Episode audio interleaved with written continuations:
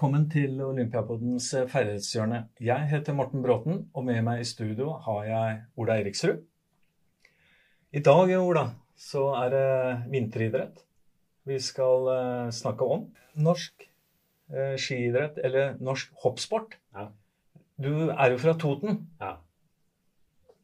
Der har det vel skjedd noe lange hopp, eller korte hopp, eller mellomlange hopp eh, titt og ofte? Ja, det, jo, det, er jo en hopp- og skitradisjon på Toten, så absolutt. Ja. Og det er jo Lønneberga på, på Raufoss som uh, ja. er én bakke. Og så hadde du Oddnesbakken f.eks. Du hadde jo flere hoppbakker der. Uten at uh, undertegnede har hoppa noe særlig langt der, eller hoppa der i det hele tatt, så har jeg hoppa en del på ski. Ja. Så, men det var jo en, en, en hopptradisjon og kultur der. Altså Seinere kom det jo flotte bakker på Lillehammer òg. Så det er jo en kultur og tradisjon der, så absolutt. Så som liten så hoppa du jo mye på ski. Ja. Så absolutt. Det tror jeg mange i min generasjon som gjorde òg. Ja. Jeg tror uh, vi har alle vært igjennom spretthopp og lange langhopp og gått på huet og maven og ryggen og rotert hit og dit. Knekt, Men, knekt helt nye julegaver og, og, ja. og så videre. Eh, Steinar Bråten er vår gjest i dag. Eh, velkommen, Steinar. Takk for det. Eh, det er en eh, fryd å ha deg i, eller med på Teams i studio. Eh, du sitter i Trondheim. Det er din arbeidsplass. Kan du fortelle litt om hva du gjør i region Midt-Norge? Olympiatoppen?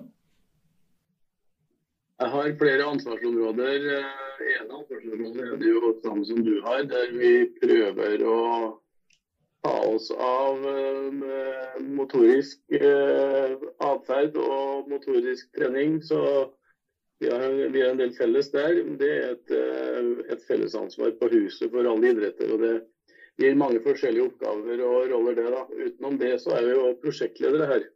Vi kaller det jo det. Det blir jo kalla coach sentralt, men vi har alltid kalla det prosjektleder. og Årsaken er at jeg vil gjerne bruke en coach i prosjektene mine. Så jeg har eh, prosjektlederansvaret for eh, damehåndball, eh, skihopp selvfølgelig, men også eh, boksing. Nå er det en, en, en, kvinnelig bokser som er up and coming eh, gjør. Da. Så det, det, er delt på mange områder. og en god del skihopp, selvfølgelig. For alltid hopphakken, både hopp og kombinert, må bidra med det vi gjør. Eh, I veldig mange år så, så har vi òg kontinuerlige prosjekter for utvikling på, på rundt uh, de som driver i hopphakken. På analyser og, og, litt forskjellig. Så det er, det er ganske fragmentert bilde av hva vi må ta oss av regionalt. Ja, og hvis du kan, i forhold til lytterne våre, så sånn konkret, hva gjør du mot uh, den kvinnelige bokseren? Hva, hva, du snakker jo om analyse her, men hva, hva er framgangsmåten din når du skal inn i de miljøene og andre miljøer?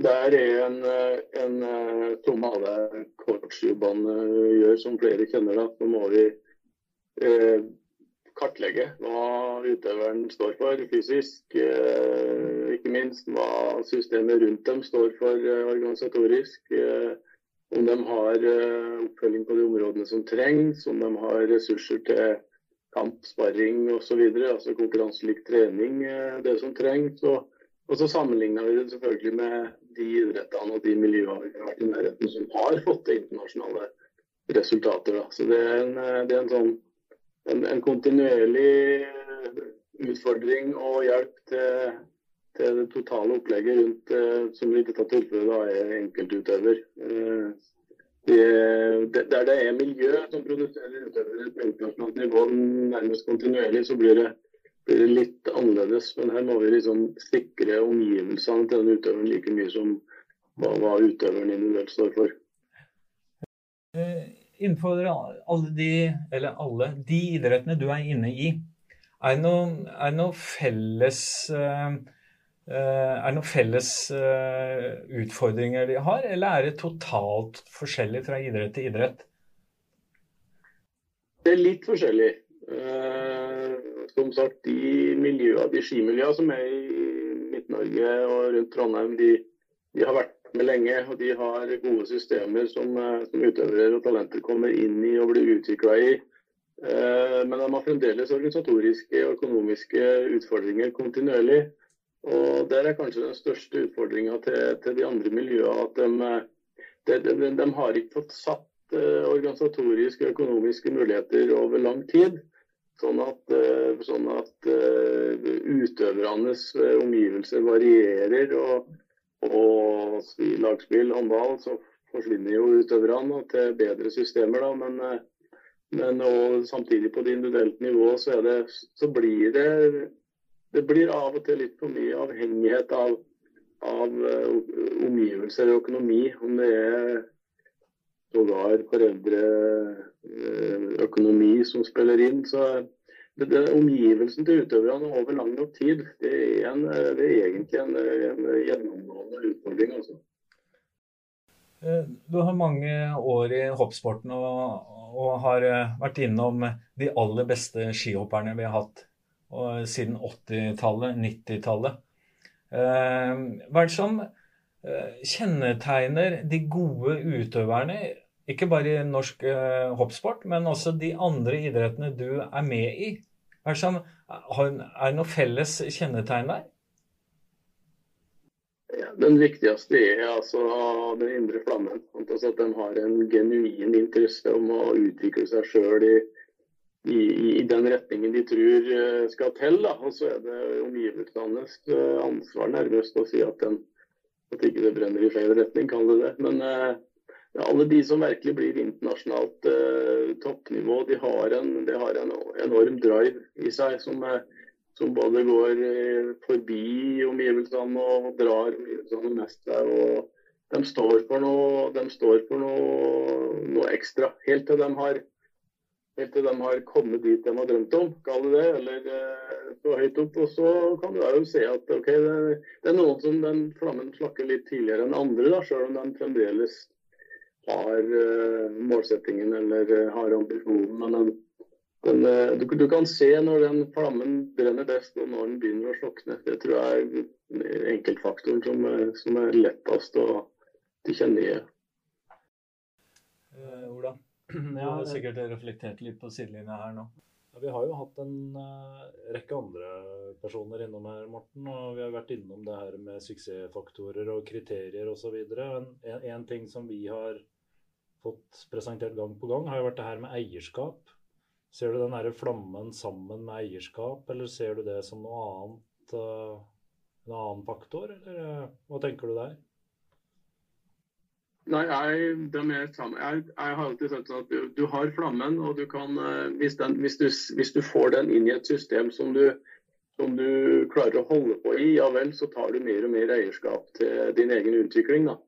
Eh, men driven i det må du ha med før du skjønner hva det eierskapet er, er på godt og vondt. Altså, for du må ta mer og mer ansvar for både deg og, eller uavhengig av omgivelsene. Men, og den, kommer du inn i. Den rollen tar du og kommer inn i da, etter hvert som du får litt mer struktur. Men det kan komme opp en 14-15-åring der det bare renner vilt og vil gå gjennom alle vegger og, og mulig. Og så, så formes hun inn i en inn i å ta eget ansvar. Og de henger helt klart sammen. Men det er også noen som ikke får omgivelsene eh, informasjon eller blir styrt inn i hva betyr det å ha det eierskapet.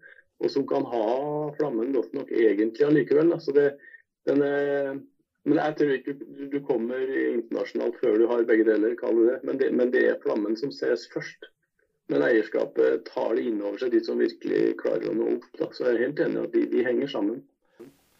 Det var veldig Det syns jeg var veldig fint sagt. Altså, du har den der driven, passion, altså flamme. Eh, mange ord som kan brukes om, om, om samme sak her. Mm. Og så i det så bygges det et eierskap videre. Det syns jeg var ja, fint sagt. Um, noe som jeg lurer Vi går over Vi vier tiden til uh, hopp, skihopp, eh, videre nå i sendingen. Noe som jeg lurer på, hva er årsaken til at eh, en kan bli verdensmester en sesong, og så er du liksom i bakleksa sesongen etter? Liksom, det har jo sånn historisk så har vi jo sett at det har skjedd titt og ofte. Og jeg er liksom hva, Hvorfor det? Hvorfor er det slik, Steinar? Ja, Det er flere årsaker, tror jeg. da. Det er jo en idrett med små marginer. Eh, du gjør en full kroppsbevegelse på 0,3 sekunder som kan gi en livsfarlig situasjon. Eh, forrige som døde en hoppbakke i Norge var i 1992. så Gjør du fatale feil, så det, kan det få store følger. Og med bitte små marginer Ifølge biomekanikeren verden har en gang laget en liste der de setter stavsprang først og skihopp etterpå, men med større risikofaktor i skihopp. Altså, den har små marginer med seg, og det vil si at du, du kan fort dette av. Og så er det så integrert med utstyret. Så f.eks. Eh, en slovener som var veldig god i et år og annet, eller nesten to år, og så må han bytte utstyr fordi at eh, skifabrikken måtte gi opp, f.eks så er du fundamentalt uh, Kall det ute å kjøre i skihoppet. Veldig avhengig av sammenhengen mellom teknikken og utstyret. Ja. Og det, og så kommer noen med noe nytt, og så må du prøve å følge opp det. Og så blir noe av ditt eget uh, litt borte. Så det er, det er, nok masse små detaljer. Og så skal vi ta bort faktoren om at du, du må være relativt uh, sensation seeker uh, som personlighet. Du, du, kan ikke ha de store reservasjonene i deg, og det gir jo sine utfordringer personlighetsmessig på, hvis du blir stjerne osv. Jeg, tror jeg tror ikke det hjelper bildet. Og det har nok også tatt uh, enkelte, da. Så det, det er flere enn én faktor. Men uh, jeg like overraska som andre. Så skjer det ulykker. Jeg var i toppen sjøl, jeg. og Vinner ikke Kollen ei helg og tryner i på helga etter. og Deretter har du en angst i det og kommer aldri tilbake på samme nivå. Det, er en del faktorer som kan eh, spille inn. da. Men det er en stor variasjon, jeg er enig i det. Det er veldig få som virkelig er klassikere, sånn som andre idretter kan ha over mange, mange år. Eh, teknikk, utstyr, eh, mentale ting. Ehm, på treningssiden, hva, hva har skjedd der for å, for å på en måte Mine Mind a gap er et begrep, liksom. og Hvordan kan du lukke igjen det gapet med de variasjonene som ofte er i skihopp, da? Liksom, er det noe på treningssiden man kan uh, gjøre her? Kan gjøre enda bedre, eller mener man at man er på et uh, optimalt uh, treningsnivå i dag?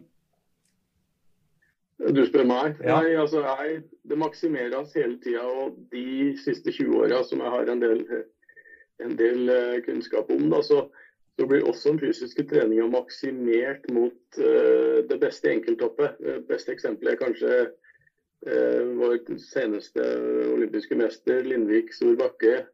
De to hoppa som blir gjort, eller To av de hoppa som blir gjort der, av de fire hoppa, to hopp fra de to gull og sølv, ett hopp fra hver, det er hvis du regner hvor langt framover de hopper, altså hvor, hvor, mye fart trenger du for å hoppe hvor langt framover, så er det tidenes beste skihopp. Og de ses hvert fjerde år. Så de, de maksimerer alltid noe. Også både utstyr og powertrening. De har fundamentalt endra powertreninga si på de 20 åra. Altså for å maksimere mot et ytre som samtidig, da, både på utstyr og på fysisk trening og på på tankesett så er det liksom det ene hoppet eller det ene konkurransen eller det å bygge veldig robusthet for å vinne ølcupen sammenlagt, eh, og for å takle alle forhold, alle bakker osv. Det, er, det, det er mye maksimeringsfokus i skihopp, og det er ikke blitt noe mindre i løpet av de 20 åra.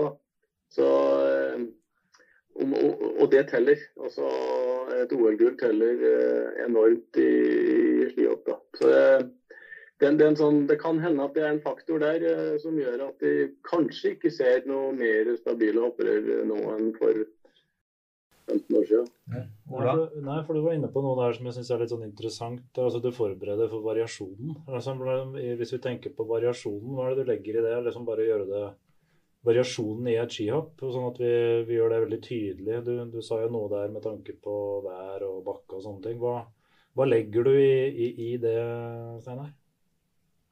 Eh, altså, og det for vanlig for, for oss vanlige dødelige, sier jeg da. For jeg hadde jo aldri de samme Vi hadde store utfordringer på hvor lang radioen er. Altså hvis du regner trykket fra sentripetalaksestasjon som du får i tilløpet i et skihopp, eh, den har faktisk ganske hadde på 80-tallet, kaller det da. Veldig stor forskjell fra liten bakke i Blanditsa til hoppukavslutninga i Kolm. Nå snakker vi om det dobbelte og over det.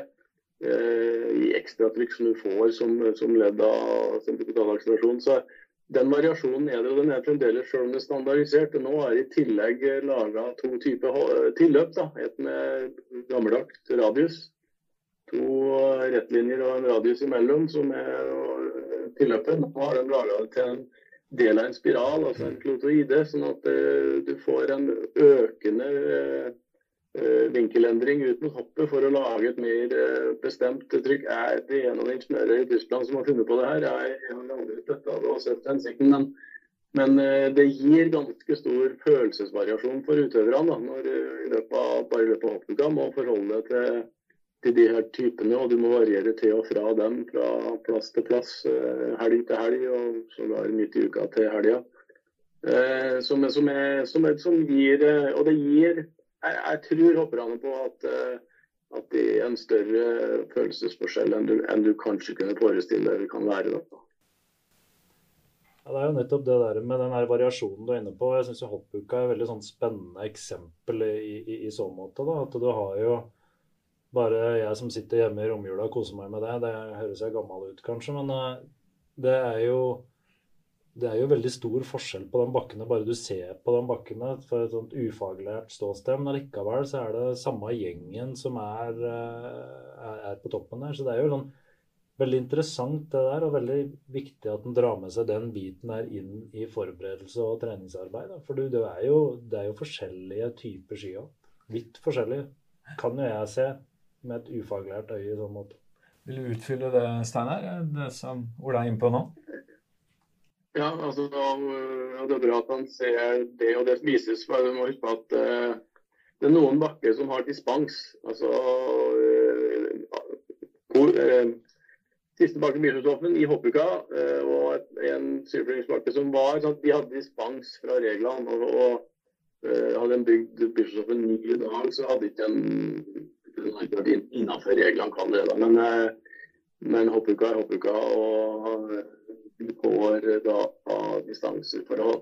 Så det, det, er nok den som varierer mest da, da. og kanskje fra Oberstdorf Schattenberg til, til Bischoften er en av de største variasjonene som er. Og den kommer i løpet av halvannen uke. så den er, den er der. Og så kan du ha minus tolv i Oberstdorf og pluss åtte grader i lysstoppen med det, med det mye, mye slakere tilløpet. Så det er, en, det, er en, det er, en, merkbar forskjell på det. Det, det er ikke noe tvil om. Og det, det, er derfor noe du må ta det med deg i trening. Det er derfor de må variere bakker gjennom treningsperioden mer enn du liksom du tror. Det er ikke bare å hoppe den bakken her, og så er det billig å kjøre og alt mulig rart. Men den, eh, da er du litt dårligere forberedt til sesongen som kommer. Også en, eh, du må ha en viss variasjon. Ja. Eh, hva er den største revolusjonen i skihopp? Sånn utstyrsmessig og teknikkmessig? V-stil. Ja. Hva skjedde med utstyret i forbindelse med den overgangen? Uh, utstyret kom ikke med sånn altså Forskjellen etter hvert var at de, den forsida, altså hvor langt er det foranbindingen, hvor langt er det bakbindingen, den var jo enorm, hvis du ser Lillehammer-OL 94. Eh, Og de skia ble endra til kortere forside, men eh, lengre fi. Uh, for det at du hadde bedre styring på foran og bak. Hvis jeg hvis ei ski slår opp, da, og så eh, treffer den deg, så fordi at du har den rett under deg, sånn som klassisk, eller den slår opp ved siden av kroppen, så er det to forskjellige ting å kontrollere. og det var, det, Rundt der så skjedde det en del både regelendringer og, og utstyr for å kontrollere det. da, For uh, det ble jo en veldig bæreevne i skia når den lå for seg sjøl, kall det det. Så, uh, men det skjedde sånn De hoppa med samme utstyret noen år, sjøl om de tok den ut på sida men så kom eh, utstyret etter hvert da, for å optimalisere den større flyvevingen eller eh, større glideflata, kall det hva du vil. Ja. Noen kommentarer på det, Ola, ut fra ditt ståsted? Nei, men det er jo liksom du Jeg husker jo når dette her skjedde, ikke sant. Og det, det, er jo Ting må jo få lov å justere seg. og Litt sånn samme var det jo i langrenn nå, ikke sant. Du, du skøyta jo med klassiskskia i starten. Mm.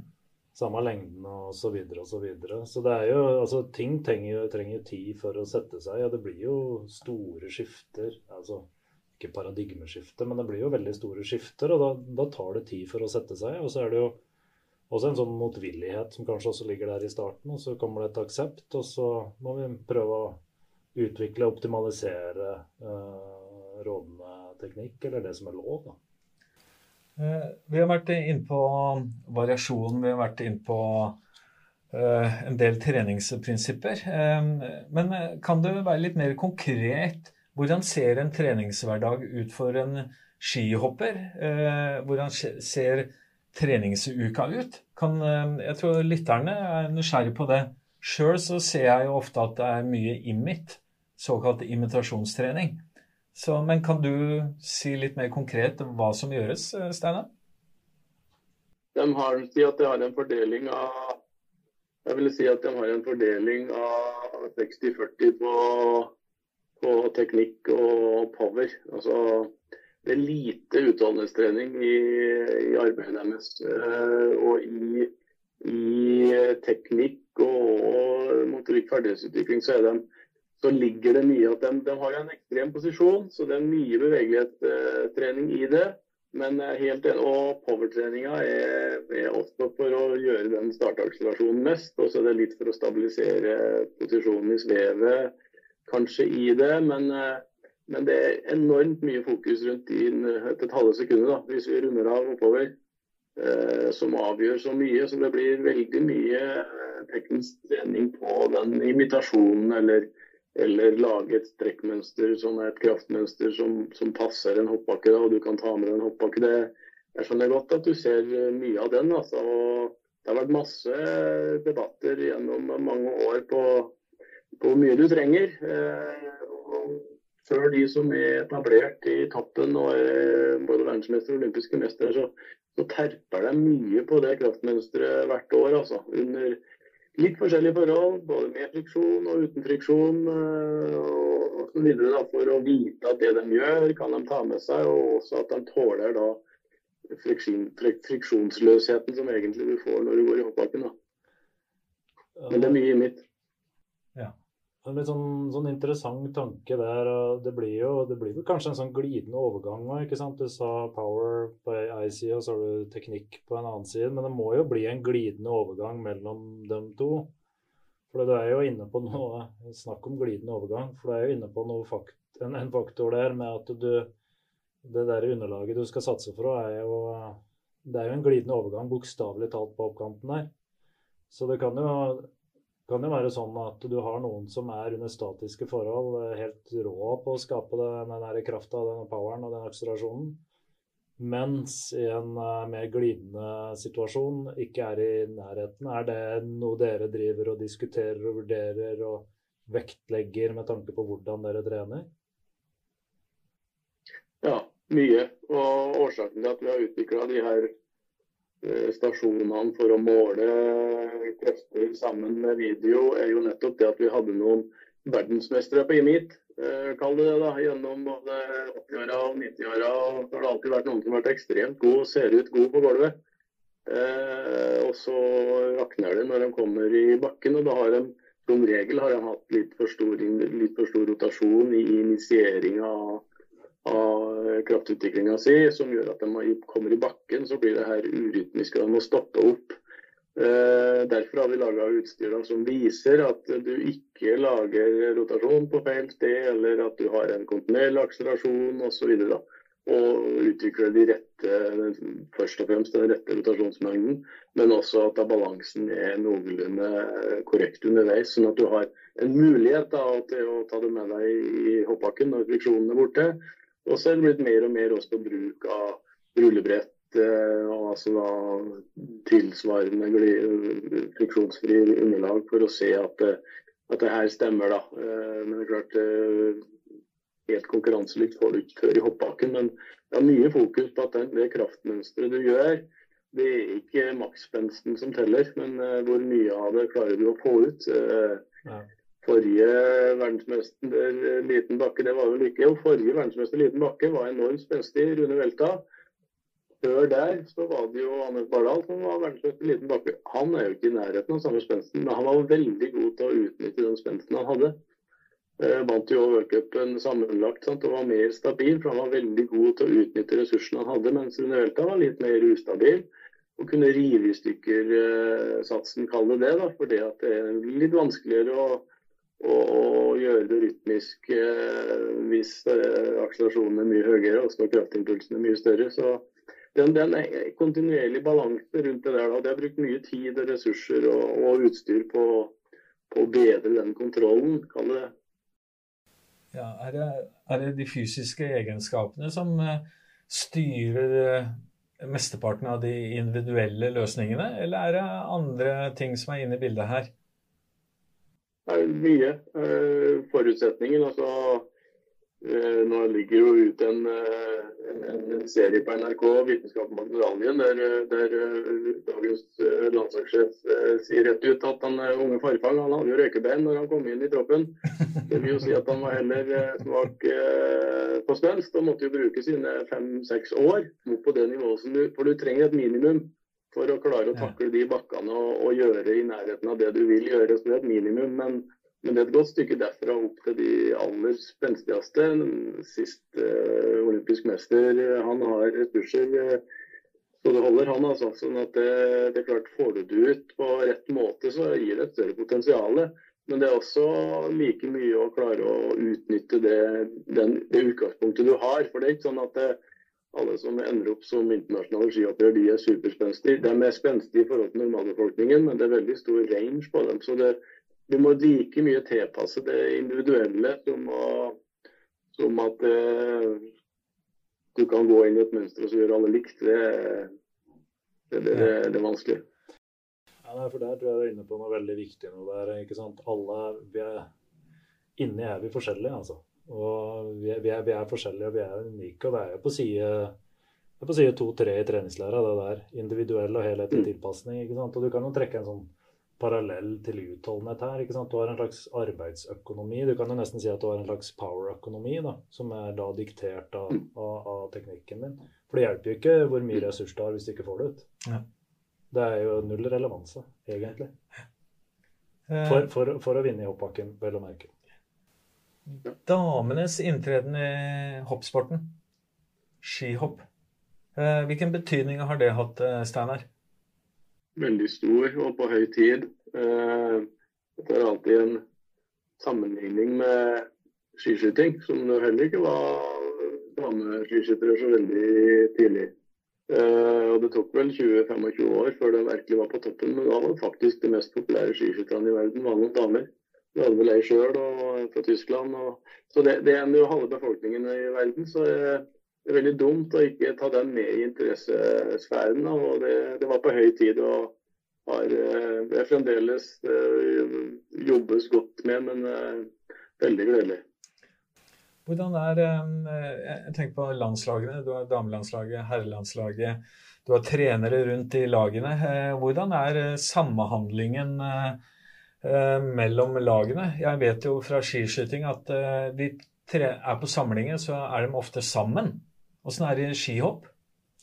De har jo felles eh, samling og de har felles trening. og, og de, jeg, jeg synes, altså, Skiskytterne kan jo skyte ved siden av hverandre. Det, det klarer de. Man klarer å konkurrere sågar på det. Sant? Men idet du skal ut i en knallhard eh, fem kilometer, så skjønner jeg at eh, det er visse biologiske effekter som slår inn. Og, men i skihopp så gjør du egentlig dine egne hopp hele tida. Så det å instruere en som hopper 25 lavere enn en annen, teknisk og alle mulige måter, så går det ut på det samme. Så De har nok lettere for å øve sammen, eh, dem altså, enn mange idretter. Og gjør det på daglig trening her, så er, så er damer og herrer sammen. Det, og de har et veldig godt felles løp nå. Det er klart, I hoppbakken så av og til, hvis det er for mange, så, så brukes det forskjellige avsatser, damer og herrer fremdeles. Eh, og det å bytte om på de og litt sånn, så kan det hende at de skylder skiller litt på det. Da. Men de er felles samling og felles trening. Veldig mye, veldig mye bra samarbeid. Den største forskjellen det er farten i tilløpet, er det du sier? Ja, fremdeles. Og, men det nærmer seg. Eh, absolutt. Det er klart at du, det er jo enkel fysikk hvis du klarer å legge igjen eh, mer kraft ned i hoppet, så du har en, en høyere vinkel ut av hoppet, så går det lenger fram med samme fart før du ramler ned. og og den som har den laveste vinkelen, må ha større fart for å hoppe i samme område. For det er ikke Du kan ikke ligge hele karrieren og hoppe på kult. Du må få la dem få fly ned i bakken, dem òg. Det, det, det er fartsforskjell på hoppet fremdeles, men den har nærma seg kolossalt i løpet av de siste ti åra. Så det watch out. Ja. Ola, har du noe Nei, jeg syns det er egentlig veldig fint, den sammenligninga med skiskyting her. Ja. Uh, veldig fin. Liksom, jeg tenkte på det når du sa det der. Det er jo Konkurransene går jo Det, det er en annen diskusjon, da, hvor, hvor, hvordan konkurransene legges opp. Men du ser liksom eh, dame- og herre-skiskytinga, dame- og herrehopp, da. Det, det, kunne jo være en sånn interessant tanke med hvordan de har gjort det der. For skiskytinga har jo vært veldig smarte med tanke på publikum og interesse. Altså gjort veldig mye riktig og veldig mye bra. Hva, hva, tror du om fremtiden i forhold til det Steiner, at uh, man er på de samme konkurransestedene. Er det mulig? Ja, det er mulig mer og mer. Det, det er jo en veldig altså, Jeg skjønner litt konservative holdninger til at jentene skal opp. At alle jentene skal, eller damene skal opp i de største bakkene med en gang. Eh, for det, er, det øker faren. Men jeg har jo hele tida fronta at det er ingen det er ingen for de beste utøverne, så det er ingen, uh, ingenting som sier at de ikke kan hoppe i de samme bakkene. Men den store mengden, å sette 50 damer ut uh, sammen med 50 herrer i hvilken som helst bakke, det blir noe annet. Men de nærmer seg det. Og da er det, er det bare populært nok. Altså Alpint så har de jo en del delt, men det er jo fordi at de har egne TV-sendinger, de har egne reklamer, de har egne Altså det Markedet er stort nok til at de klarer seg sjøl, kall det det. da. Men du ikke, hvis du ikke gjør det, så er det klart at du, du spiller på dobbelt så stor del av befolkningen ved å, ved å, kjøre det sammen.